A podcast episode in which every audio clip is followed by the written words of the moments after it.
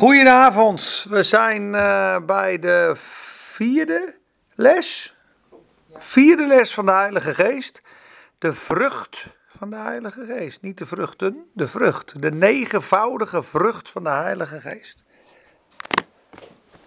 Zo, nou dan gaan we naar Insta. Dan gaan we naar live. Ja hoor. Even omdraaien.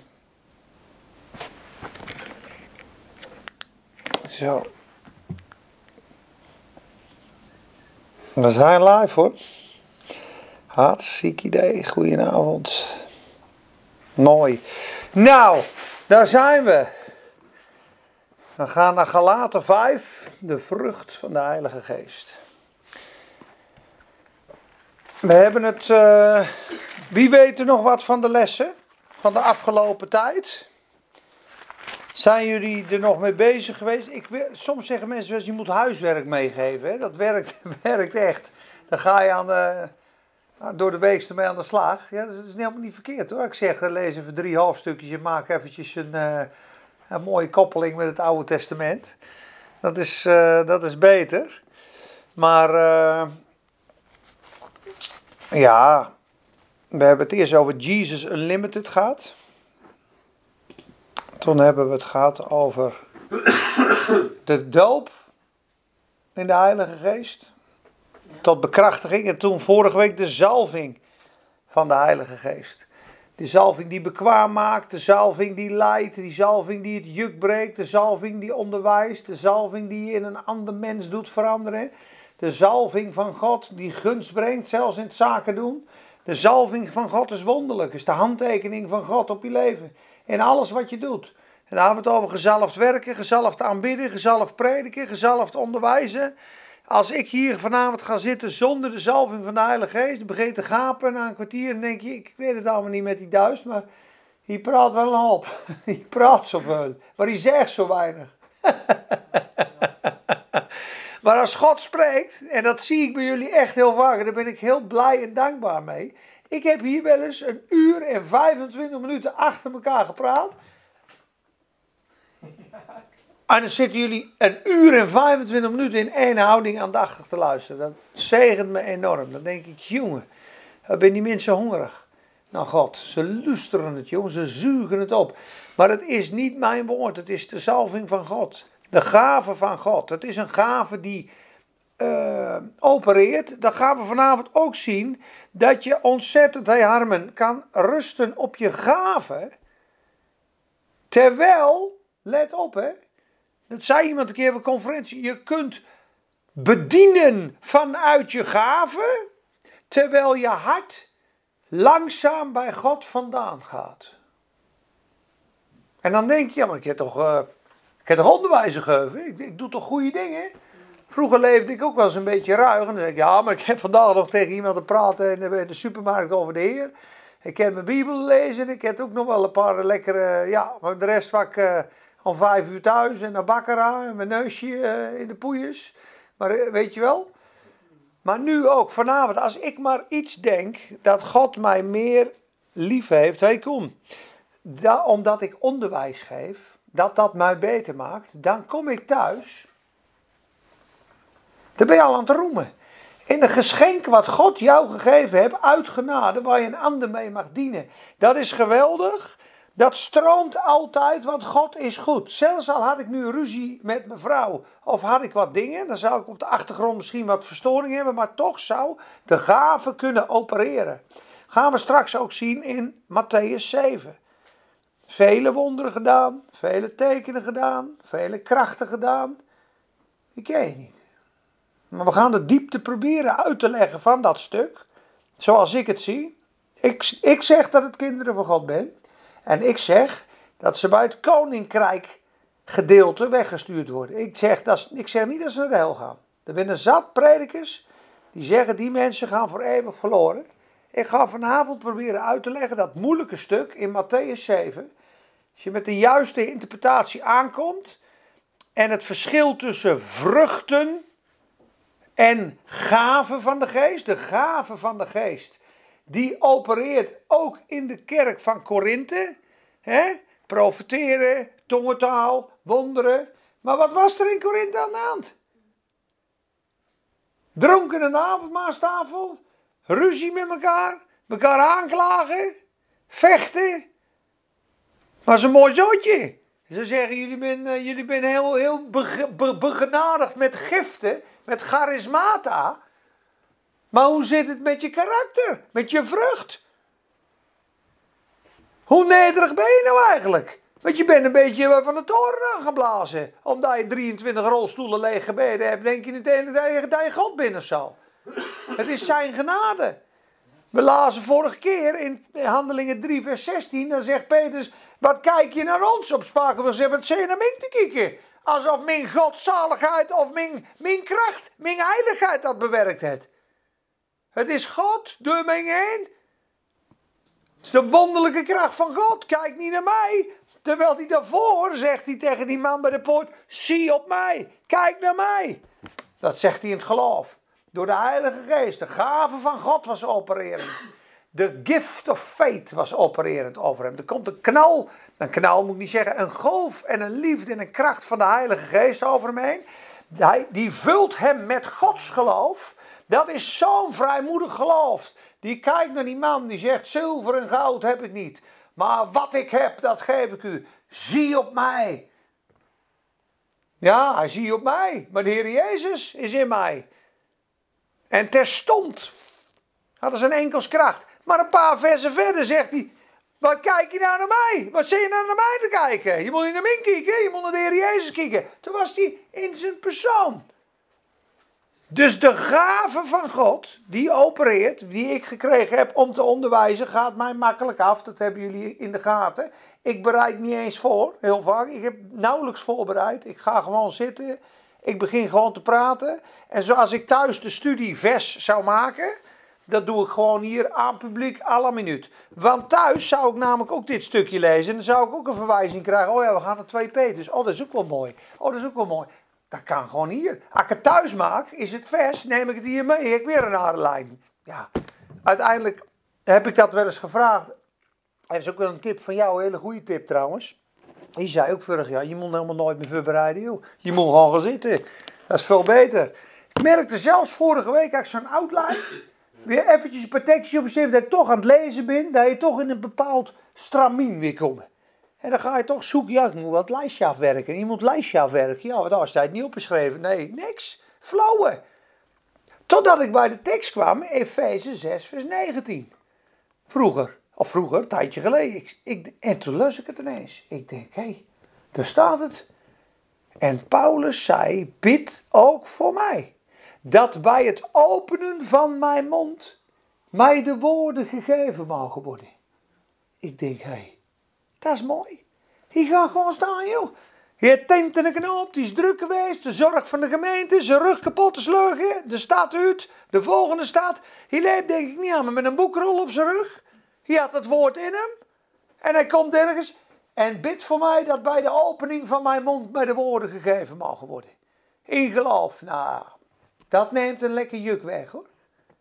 Even een screening, ben ik er zelf al is weg. Dus ik ben daar heel blij mee dat ik die gave gehad heb. Maar die gave maakt mij niet meer of minder. En het gevaar is dat mensen tegen je op gaan kijken omdat je bijvoorbeeld een profetische gave hebt.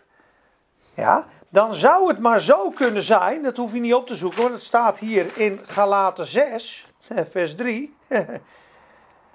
Want als iemand denkt iets te zijn, terwijl hij helemaal niets is, dan misleidt hij zichzelf.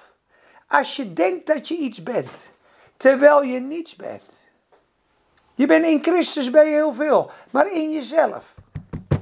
Ik ben niks, Heer. U bent alles. In u ben ik groot. Ja, in u, door uw genade. Maar in mezelf ben ik niks. Zodra een mens denkt, ik ben de profeet, of ik ben de man van God, of ik ben de vrouw van God, misleidt hij zichzelf. En mensen plaats je zomaar op een voetstuk.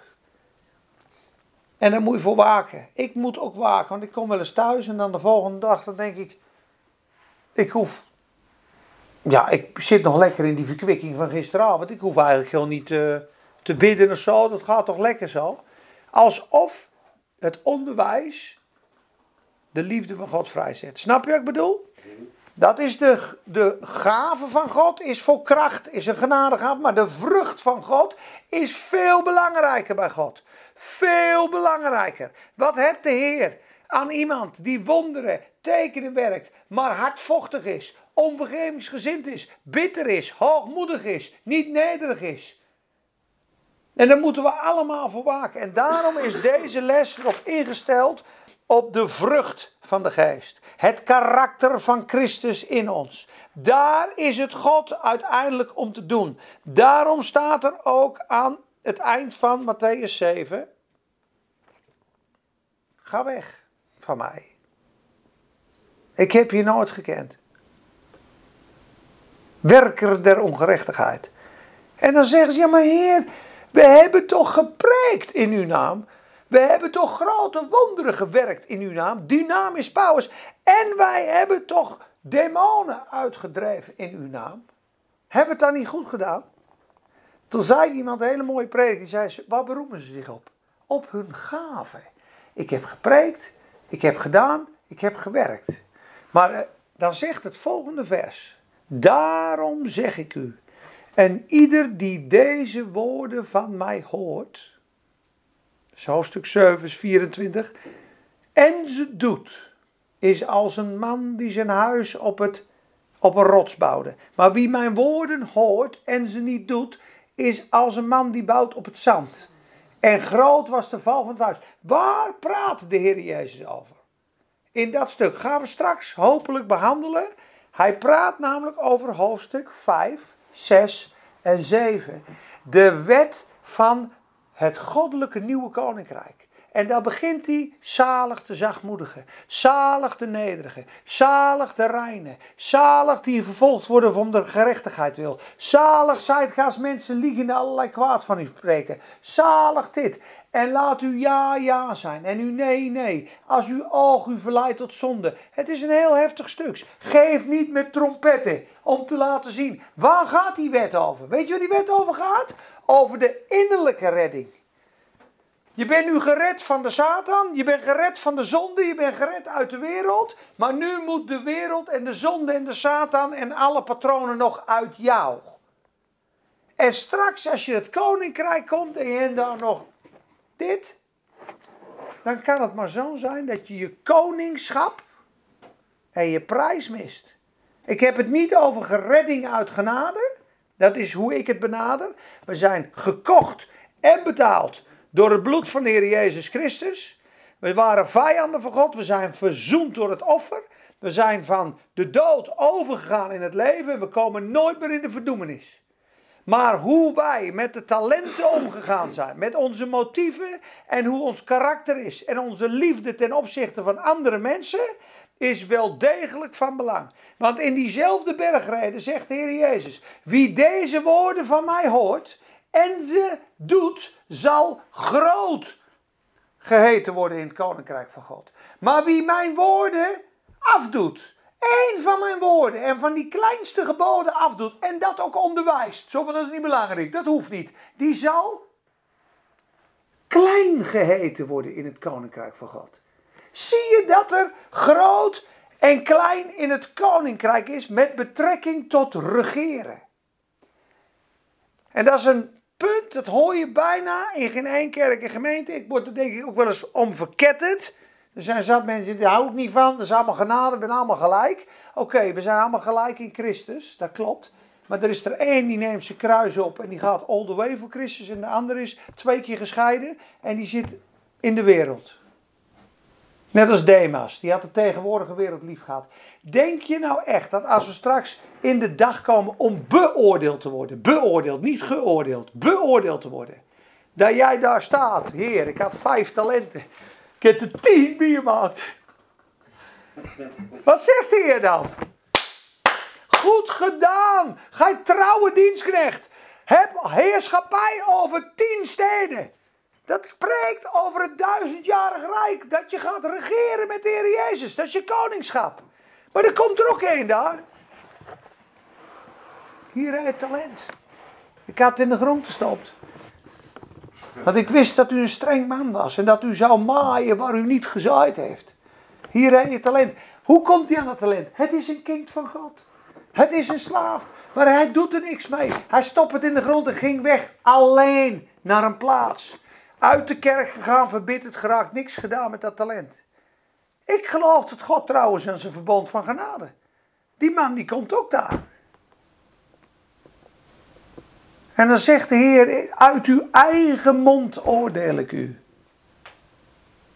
Want u wist dat ik een hard man was. Maaiende waar ik niet gezaaid heb. Waarom had je je geld dan niet op de bank gezet? Dan had ik het nog met rente kunnen nemen.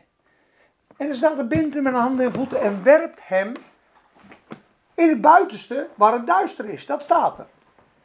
Maar dan zult gij zien, de profeten en Abraham en iedereen in het koninkrijk van God maar u zelf buiten geworpen.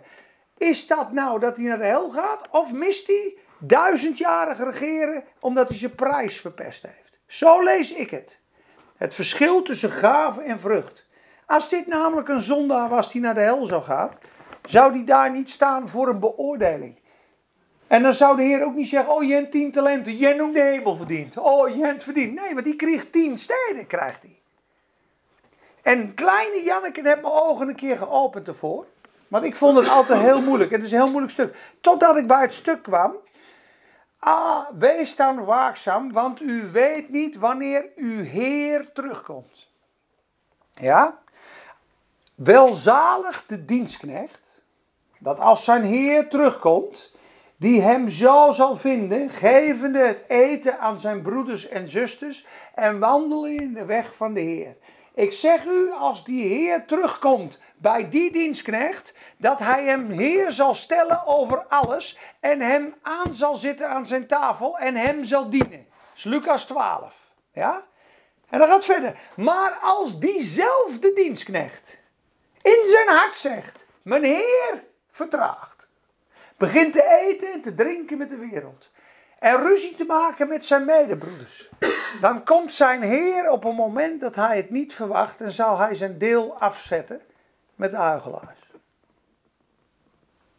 En dan zegt Peter, zegt u deze gelijkenis tegen ons, uh, tegen, alleen tegen ons of tegen iedereen? En dan zegt hij, wie is dan die trouwe dienstknecht, die wacht? En dan zegt hij, wie de wil van God weet en het niet doet, zal geslagen worden met vele slagen.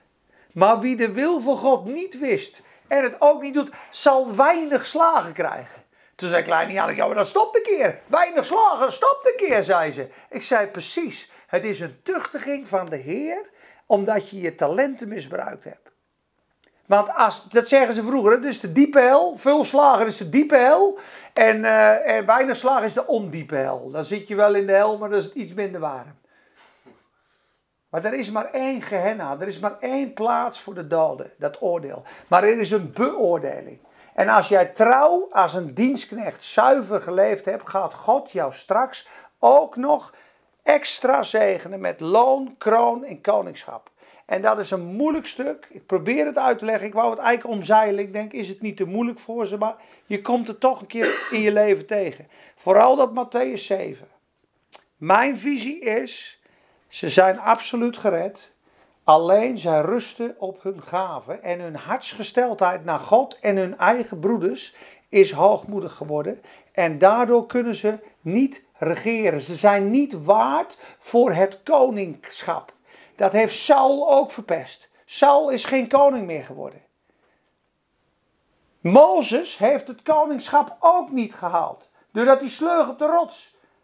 Hij stierf voor het beloofde land. Wist je dat de Bijbel spreekt dat alleen Joshua en Caleb dat beloofde land gehaald hebben? Denk je nou echt dat het hele volk Israël nog in de hel zit, die in de woestijn gevallen zijn? Dat ze allemaal naar de, naar de hel binnen en twee binnen in het beloofde land te komen? Nee, ze zijn gevallen in de woestijn, maar ze worden uit Egypte gered. Ze worden uit de zonde. Ze hebben de glorie van God gezien. Ze hebben de wet gezien. Toen moesten ze de, de, de reuzen overwinnen. En Och overwinnen. En de storm overwinnen. Om ten einde te weten wat in uw hart was. En die van een andere geest en constant met God liepen. Die zei, die reuzen, daar binnen pas springen aan en move met die handel. En zij beërfden het beloofde land. Dat is een beeld van het koninkrijk van God, wat je als redding, als bovenop je redding, als eerbewijs en medaille en prijs van de Heer Jezus krijgt voor het trouw navolgen van de Heer. Landt dit een beetje of vind je dit lastig? Dit is de gezonde leer die de vrezen des Heren brengt en de genade van God heeft. Volle genade in het bloed van Christus, maar ook vol ontzag van de koning. Want jij loopt met zijn naam en zijn talent. En je maakt hem hier als ambassadeur bekend. En haal zijn naam niet door het slijk. Want de Heer zal elk werk in het licht brengen. Of het goed was of slecht was. Zo zal iedereen loon ontvangen. Als iemands werk verbrandt, zal hij schade lijden. Maar hij zelf wordt gered. En in iemands werk blijft, zal hij loon ontvangen. Wat krijgt hij voor loon? Goud, edelstenen, kronen. Gaat in tot de vreugde des Heren. Duizend jaar regeren op aarde met Christus. Omdat hij trouw was. Waarom denk je dat 1 Korinthe 6 zegt? Moet je 1 Korinthe 6 lezen. Sorry dat we niet in gelaten 5 beland zijn. We gaan zo naar Galaten 5, maar deze is in 1 Korinthe 6 over het regeren met Christus. Dan moet je eens nagaan dat wij christenen uh, kennen die het moeilijk hebben. Ik ken die echte lieve kinderen van God, die ben echt drie jaar sky high gegaan. Laten we hopen dat het nooit met deze jongens gebeurt. Maar stel je voor dat hij over twee jaar een leuke vriendin hebt en die bedondert hem en hij raakt verbitterd. En die vindt het moeilijk om naar de kerk te gaan en je komt hem tegen en denkt donderdag Enzo maatje, wat ben je aan het doen? Het hangt er nog wel eens, is een zootje in je. Laten we God verbieden dat het gebeurt. Maar het zou een kind van God zijn met een teneergeslagen, verbitterde ziel. Dat is mogelijk. Er zijn mensen die zijn hun geloof bijna kwijtgeraakt doordat ze wat meegemaakt hebben in de kerk. Het zijn kinderen van God. Heb ik geen kinderen van de duivel, heb ik kinderen van God. Alleen vind jij dat hij waardig is om te gaan rechtspreken over engelen. Vind jij dat hij waardig is om te regeren als koning straks in dat koninkrijk, terwijl hij met een pot bier en een joint te zitten gokken op internet en dat hij zat is? Ja, dat is geen getuigenis. Dat kan God je niet aanstellen. Dus hij wil ook dat we volwassen worden en het koningschap innemen en dochters en mannen en vrouwen van God worden die zijn koninkrijk vertegenwoordigen en overwinnen over de zonde. Die dienen als een priester, die een heilige levenswandel hebben en die staan met gezag en die zeggen: Ik, ik ben trouw om mee te regeren met de Heer Jezus. Ja, ja hij heeft mij trouw bevonden, want ik volgde hem na. Kijk maar wat er staat. Want ze een ruzie, rechtszaak tussen broeders, 1 Korinthe 6. Durft iemand van u die een geschil heeft met een ander, zijn recht te zoeken bij onrechtvaardigen en niet bij heiligen. 1 Korinthe 6 vers 1. Dus met andere woorden, ze gingen naar de rechtbank van de wereld. Dus je moet nagaan, twee broeders krijgen ruzie in de kerk over een stuk land, vandaag de dag, en dan gaan we naar de rechter. En dan zou Paulus zeggen, wat ben jullie verkeeltjes? Ga je nou naar de onrechtvaardige rechters terwijl jullie zelf heiligen zijn? Weet u niet dat de heiligen de wereld zullen oordelen? En als door u de wereld geoordeeld wordt, zou u dan ongeschikt zijn voor de meest onbeduidende rechtszaken? Weet u niet dat wij engelen zullen oordelen? Heftig hè? Weet u niet dat wij engelen zullen oordelen?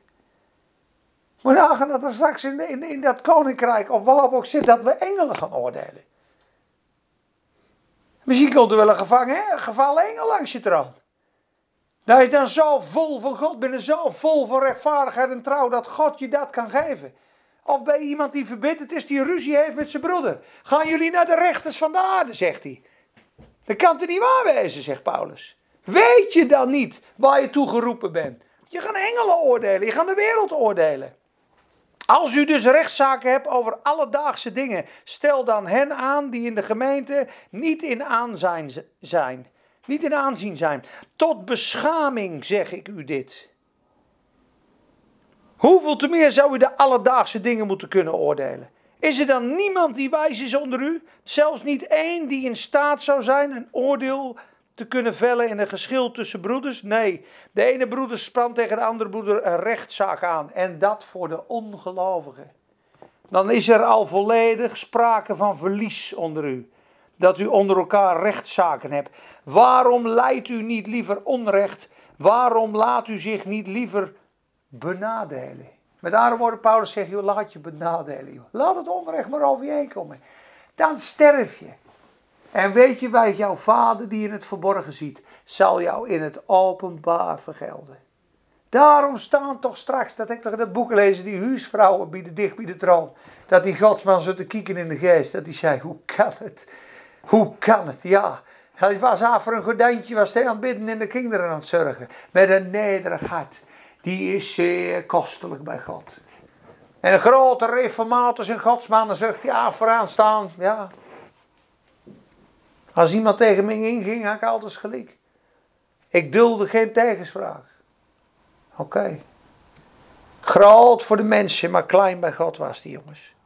En daarom wil ik maar aantonen dat onze focus moet zijn, ons hele leven. Het is geweldig om te onderwijzen, vrucht te dragen, de kracht van God te zien.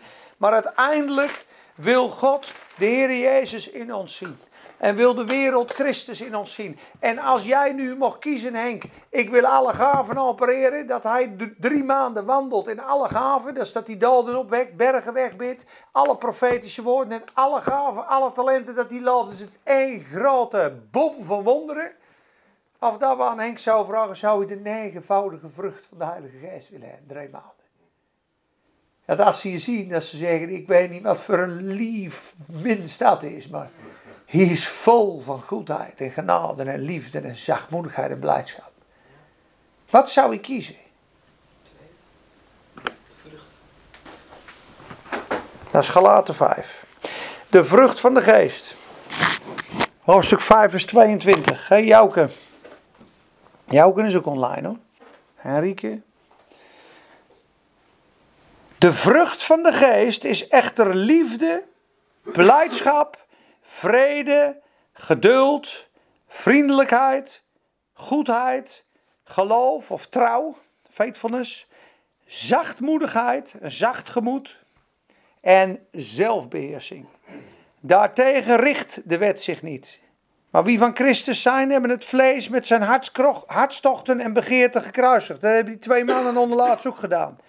In het doopwater, snikkend, hun andere oude leven achtergelaten met de hartstochten en begeerten, gekruisigd. En als wij door de geest leven, laten wij dan ook door de geest wandelen. Laten wij geen mensen met eigendunk worden. Zie je dat? Elkaar niet uitdagen en benijden. Dus de vrucht van de geest maakt je nederig, liefdevol, vredig, geduldig en vriendelijk. En hoe cultiveer je zo'n vrucht? Hoe cultiveer je zo'n vrucht? Wie denkt hoe je zo'n vrucht kan laten groeien? Gewoon door dicht bij de Heer Jezus te zijn of zo. Ja, nee, ja, nederig. Dat is ook zo nederig, dat je nederig bent. Ja. Kijk, de echte verandering van hart.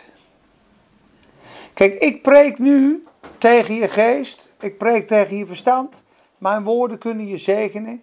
En dat is mooi. En je kunt nu straks thuiskomen, wauw, we gaan engelen oordelen. Dan ga je er wat mee doen, dan kun je een bepaald niveau kun je, kun je inleven. Maar de echte verandering van je hart vindt plaats in een echte ontmoeting van aangezicht tot aangezicht met God. En dat is een kwetsbaar, tranen, tranentaal, zoeken naar God.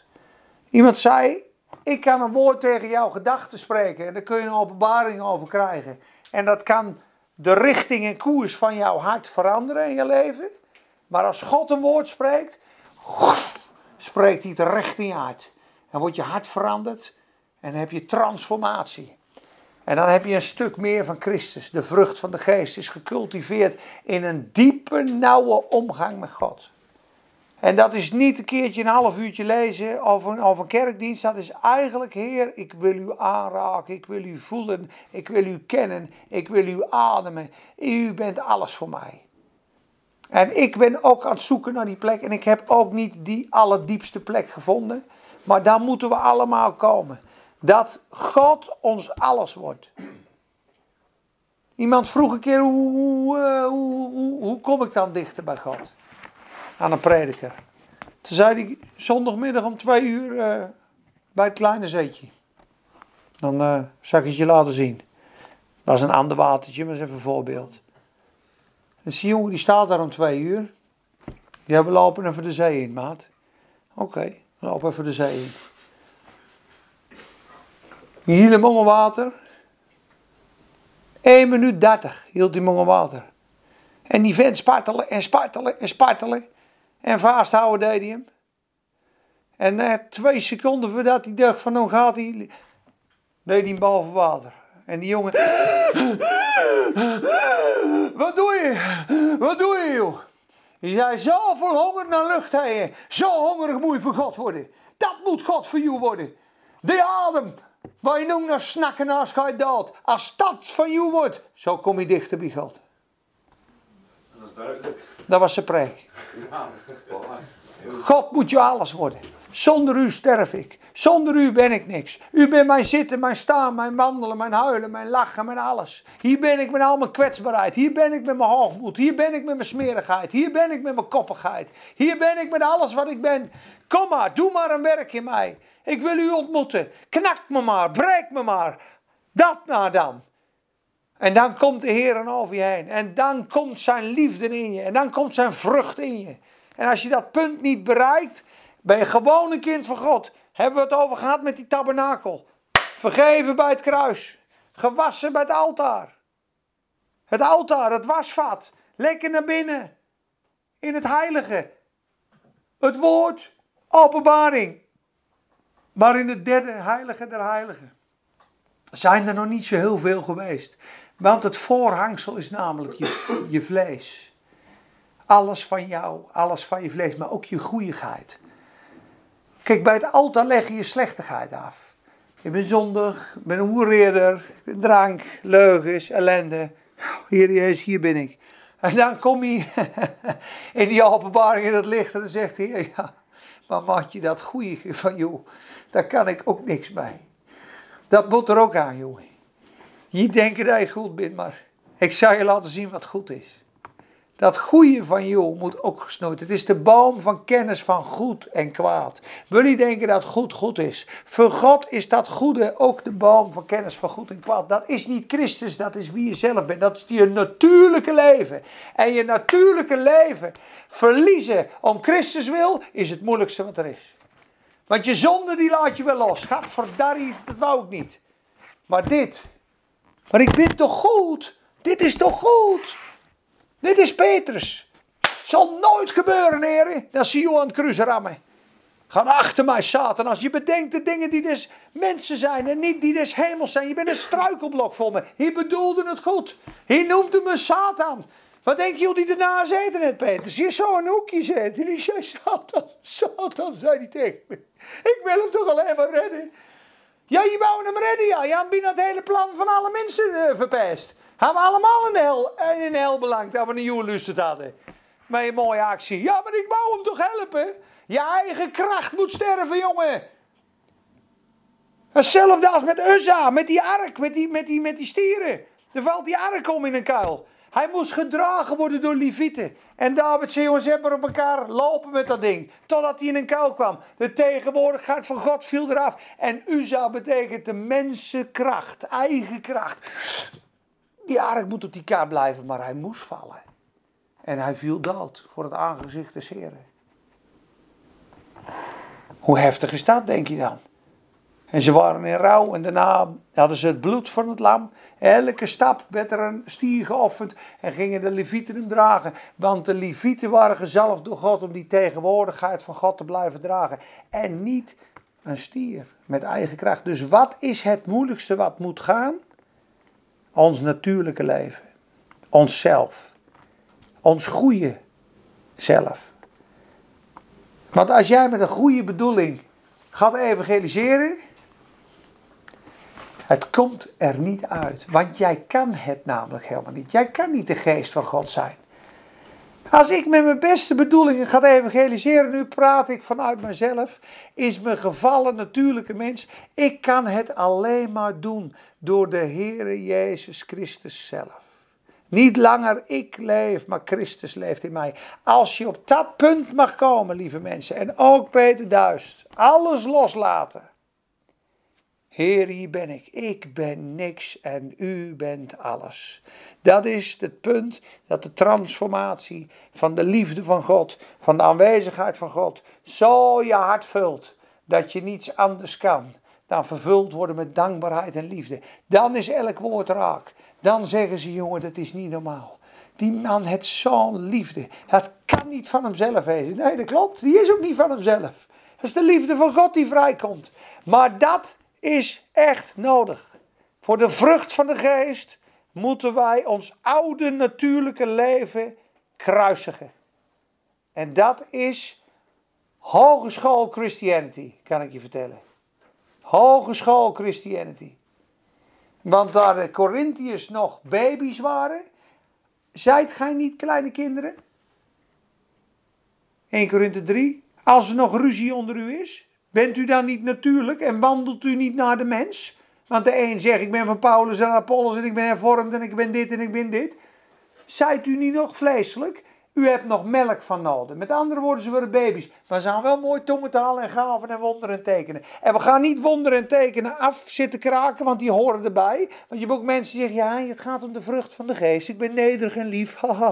ja, heel nederig, heel lief, maar geen power. Je waren op geen demonen uit, er mogen geen rolstoelen leeg. En je, en je, en je alle kracht verkracht je gewoon. Je bent hartstikke mooi met, met je sandalen en je, je geitenwolle sokken.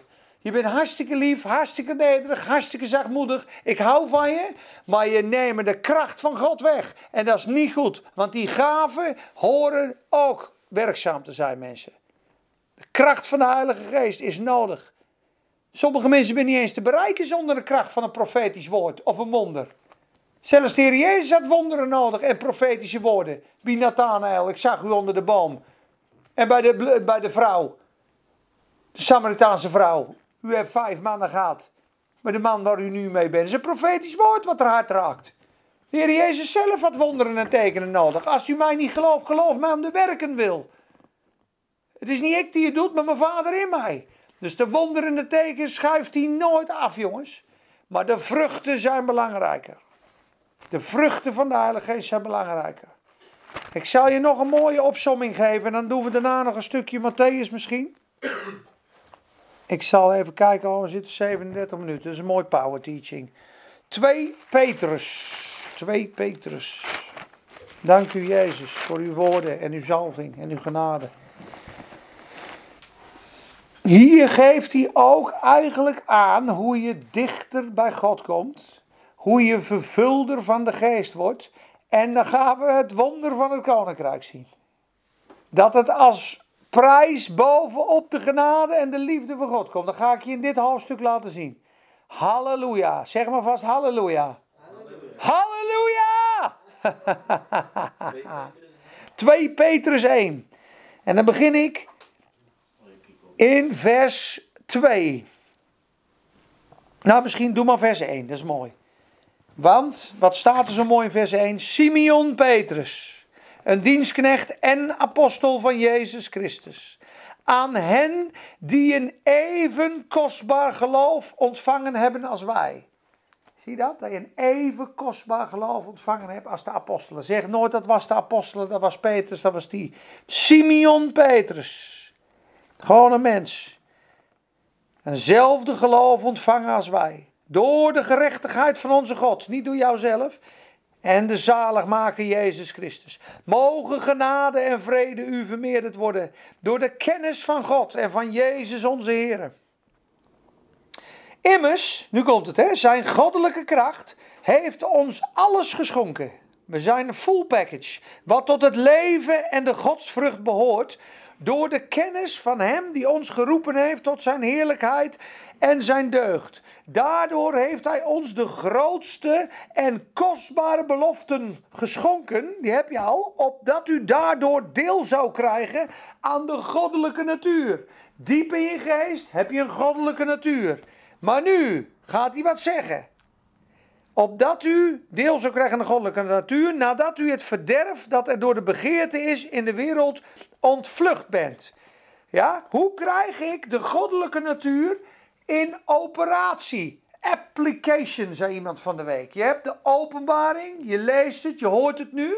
Oké, dat is waar, ja, daar moet ik heen, die weg. Hoe ga je het toepassen? De toepassing van die beloften die jou gegeven zijn, van dat kostbare geloof wat je gekregen hebt. Daarom moet u zich er met alle inzet op toeleggen om aan uw geloof, wat moet je toevoegen? De deugd. Dat is een karaktertrek. Ik deug. Geen zwart geld. Sorry als het zo is, maar uh, geen zwart geld. Ja? Kennis. Ik zorg dat ik weet wat de wegen van God ben. Ik ga me erop toeleggen. Ik ga niet meer praten als een of andere onbekeerde Filistijn. Die dat woord niet leest en die denkt als christen, dan blijf je op een natuurlijk vlak. Terwijl je een kostbaar geloof hebt, terwijl je een goddelijke natuur hebt, terwijl je een paleis vol met zegeningen hebt. Maar je deugen niet. Je hebt nog steeds je karakter. Je doet nog steeds de regels overtreden. De deugd, de kennis, wat voeg je daarom toe? De zelfbeheersing, het geduld, daarna de volharding. Ik volhard met God. Ik heb het moeilijk, ik volhard. Daarna de godsvrucht. Zie vruchten van God in je maat. Je bent echt veranderd. Dan ben je gigantisch veranderd. Je hele praten, je doen en laten. Vroeger je zo en zo. Mooi man. Ik zie dat God in je bezig is geweest. Na die godsvrucht, broederliefde. Hij heeft de broeders lief. Dat lukt me nog wel, mijn kinderen van God lief hebben. Maar Hugo de jongen lief hebben, dat wordt al wat moeilijker. Daarna staat er, na de broederliefde, de liefde jegens allen. Maar ben ik nog niet. Want je hebt geen recht om te oordelen over jezelf. Zodra ik nog zeg, Hugo de jongen moet een pak op zijn donder in, zeg ik eigenlijk, ik ben heel goed en hij is slecht, want uh, ik, had, uh, ik heb geen straf verdiend, maar hij wel, want ik ben beter dan hij. Eigenlijk zeg ik dat. Terwijl die man gewoon in nood zit. Een Zacchaeus, die in de liefdesogen van Jezus moet kijken. En dan zal het juk van hem afgaan en dan zal hij snikkend in een hoekje getuigen. Oh, wat een genade, hè, dat hij met mijn nek veel greep. Ik heb geen enkele grond om hem te oordelen. Maar ik doe het wel. Want ik in mijn natuur ben en denk, geef hem een kopstoot. Ik op. Maar dat ben ik niet, jongens. En ik hoop het te zijn, want de liefde jegens alles heeft al het oordeel van alle mensen weggegeven aan God. Oordeelt ook niet meer zichzelf en zegt: Mij is genade bewezen. Ik was een grote zondaar. Ik heb geen enkele recht van spreken om over hem een oordeel te vellen. Het oordeel is aan God. Ik bid voor hem, ik heb hem lief. Mijn taak is liefhebben. Zelfs de vijand, zelfs die. Wat gebeurt er dan? Want als deze dingen bij u aanwezig zijn, welke dingen? Waar spreekt hij over, jongens? Welke dingen? Als deze dingen bij u aanwezig zijn. Die hebben we net opgenoemd. De deugd, de kennis, de godzaligheid, het geduld, de zelfbeheersing, de broederliefde en de liefde jegens alles. Zeven stappen. Als deze dingen bij u aanwezig zijn, hij daarmee aan de slag gaat, dan zullen ze u niet onvruchtbaar laten of doelloos laten, of onvruchtbaar laten. En als deze dingen bij u aanwezig zijn en toenemen en groeien, zullen ze u niet doelloos of onvruchtbaar laten wat de kennis van onze Heer Jezus Christus betreft. Nou komt hij.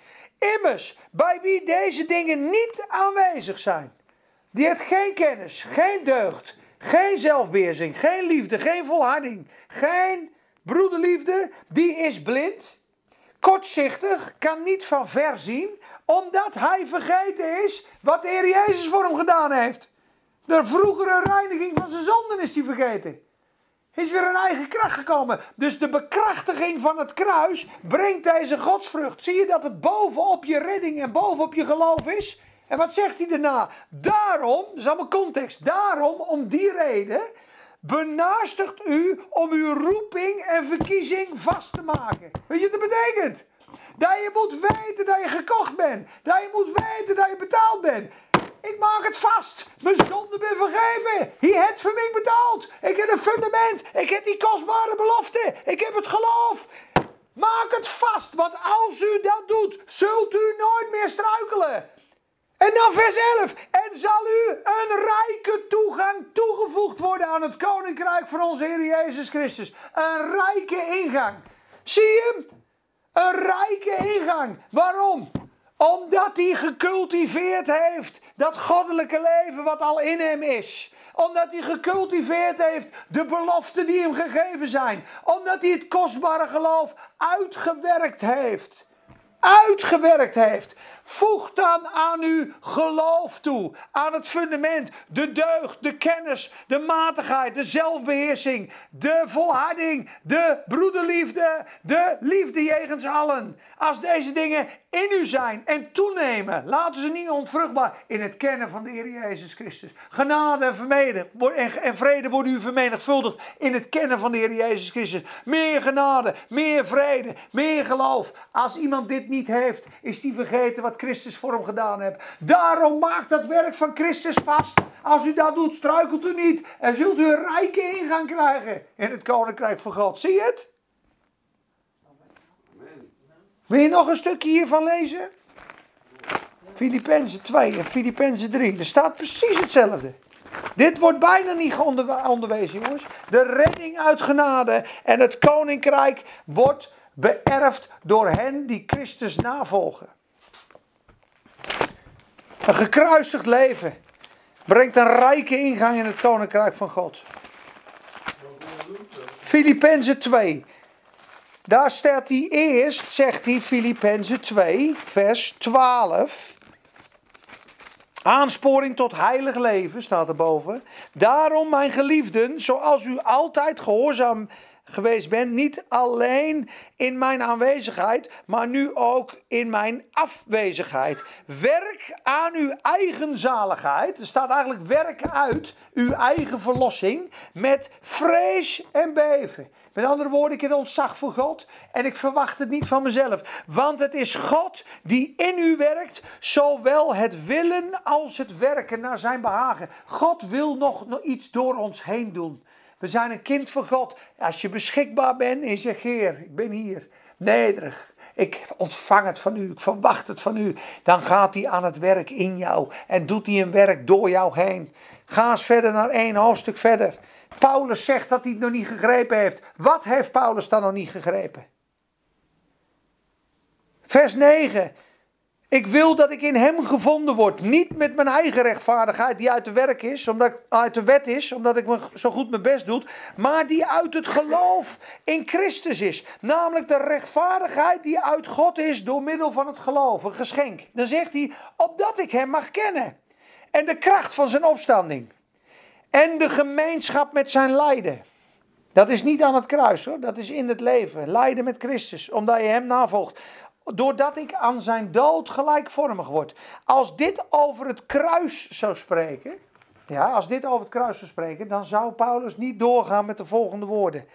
Om hoe dan ook te komen tot de opstanding uit de doden. Niet dat ik het al verkregen heb of volmaakt ben. Zie je dat? Maar ik jaag erna om het ook te grijpen. Wat wil die grijpen dan? Daartoe ben ik ook van Christus gegrepen. Broeders, ik denk niet dat ik het al gegrepen heb. Maar één ding doe ik. Vergetend wat achter mij is, strek ik mij uit naar wat voor mij is. Ik juich naar het doel. Wat is het doel? De prijs. De prijs van de roeping van God, die van boven is. In Christus Jezus. Zie dat? En dan komt hij met een heel mooi woord. Zegt hij, kijk, laten wij dan die geestelijk volwassen zijn deze gezindheid hebben. Dat wij nog een werk voor God doen in het uitwerken. En als u hier anders over denkt, dus je dit nog niet begrijpt, ook zal God u dat openbaren. Maar waar je nu hetzelfde over denkt, ga daarin verder. Maar er is een hogere weg. En wat was die hogere weg? Één worden met het lijden van Christus. Dat je zo vol bent van de Heilige Geest. Die Satan valt je aan. Mensen gaan roddelen over je. Hij zegt, jongen, ik draag het. Waarom leidt u niet veel eerder smaad? Om Christus wil. Dat is genade bij God. Aan zijn dood vergelijkvormig worden is. Betekent, ik reageer niet meer. Ik ben gekruisigd. De glorie van God is op me. Ze kunnen me slaan, ze kunnen me uitschelden. Het maakt me niet meer uit. Hij is mijn koning. Opdat ik mag komen tot de opstanding uit de doden. Weet je dat is? De duizend jaar regeren. Dat is de eerste opstanding. Opdat ik enigszins mag komen tot die out-resurrection. Tot de eerste opstanding. Niet dat ik dat al gegrepen heb. Paulus heeft het nog niet eens gegrepen. Of dat ik al volmaakt was. Met zijn driekwart Nieuwe Testament. Als er één kon zeggen dat hij het gegrepen had. Ik heb het nog niet gegrepen, broeders. Maar ik kijk niet meer naar achter. Ik kijk naar voren. Ik jaag naar het doel. Waarom ik van Christus gegrepen ben. De prijs van de roeping van boven. Het navolgen van Christus. Het afstand doen van jezelf met vrees en beven. Een rijke ingang. Gaat in, knecht. En heb, en heb heerschappij over tien steden. Amen. Amen. Amen.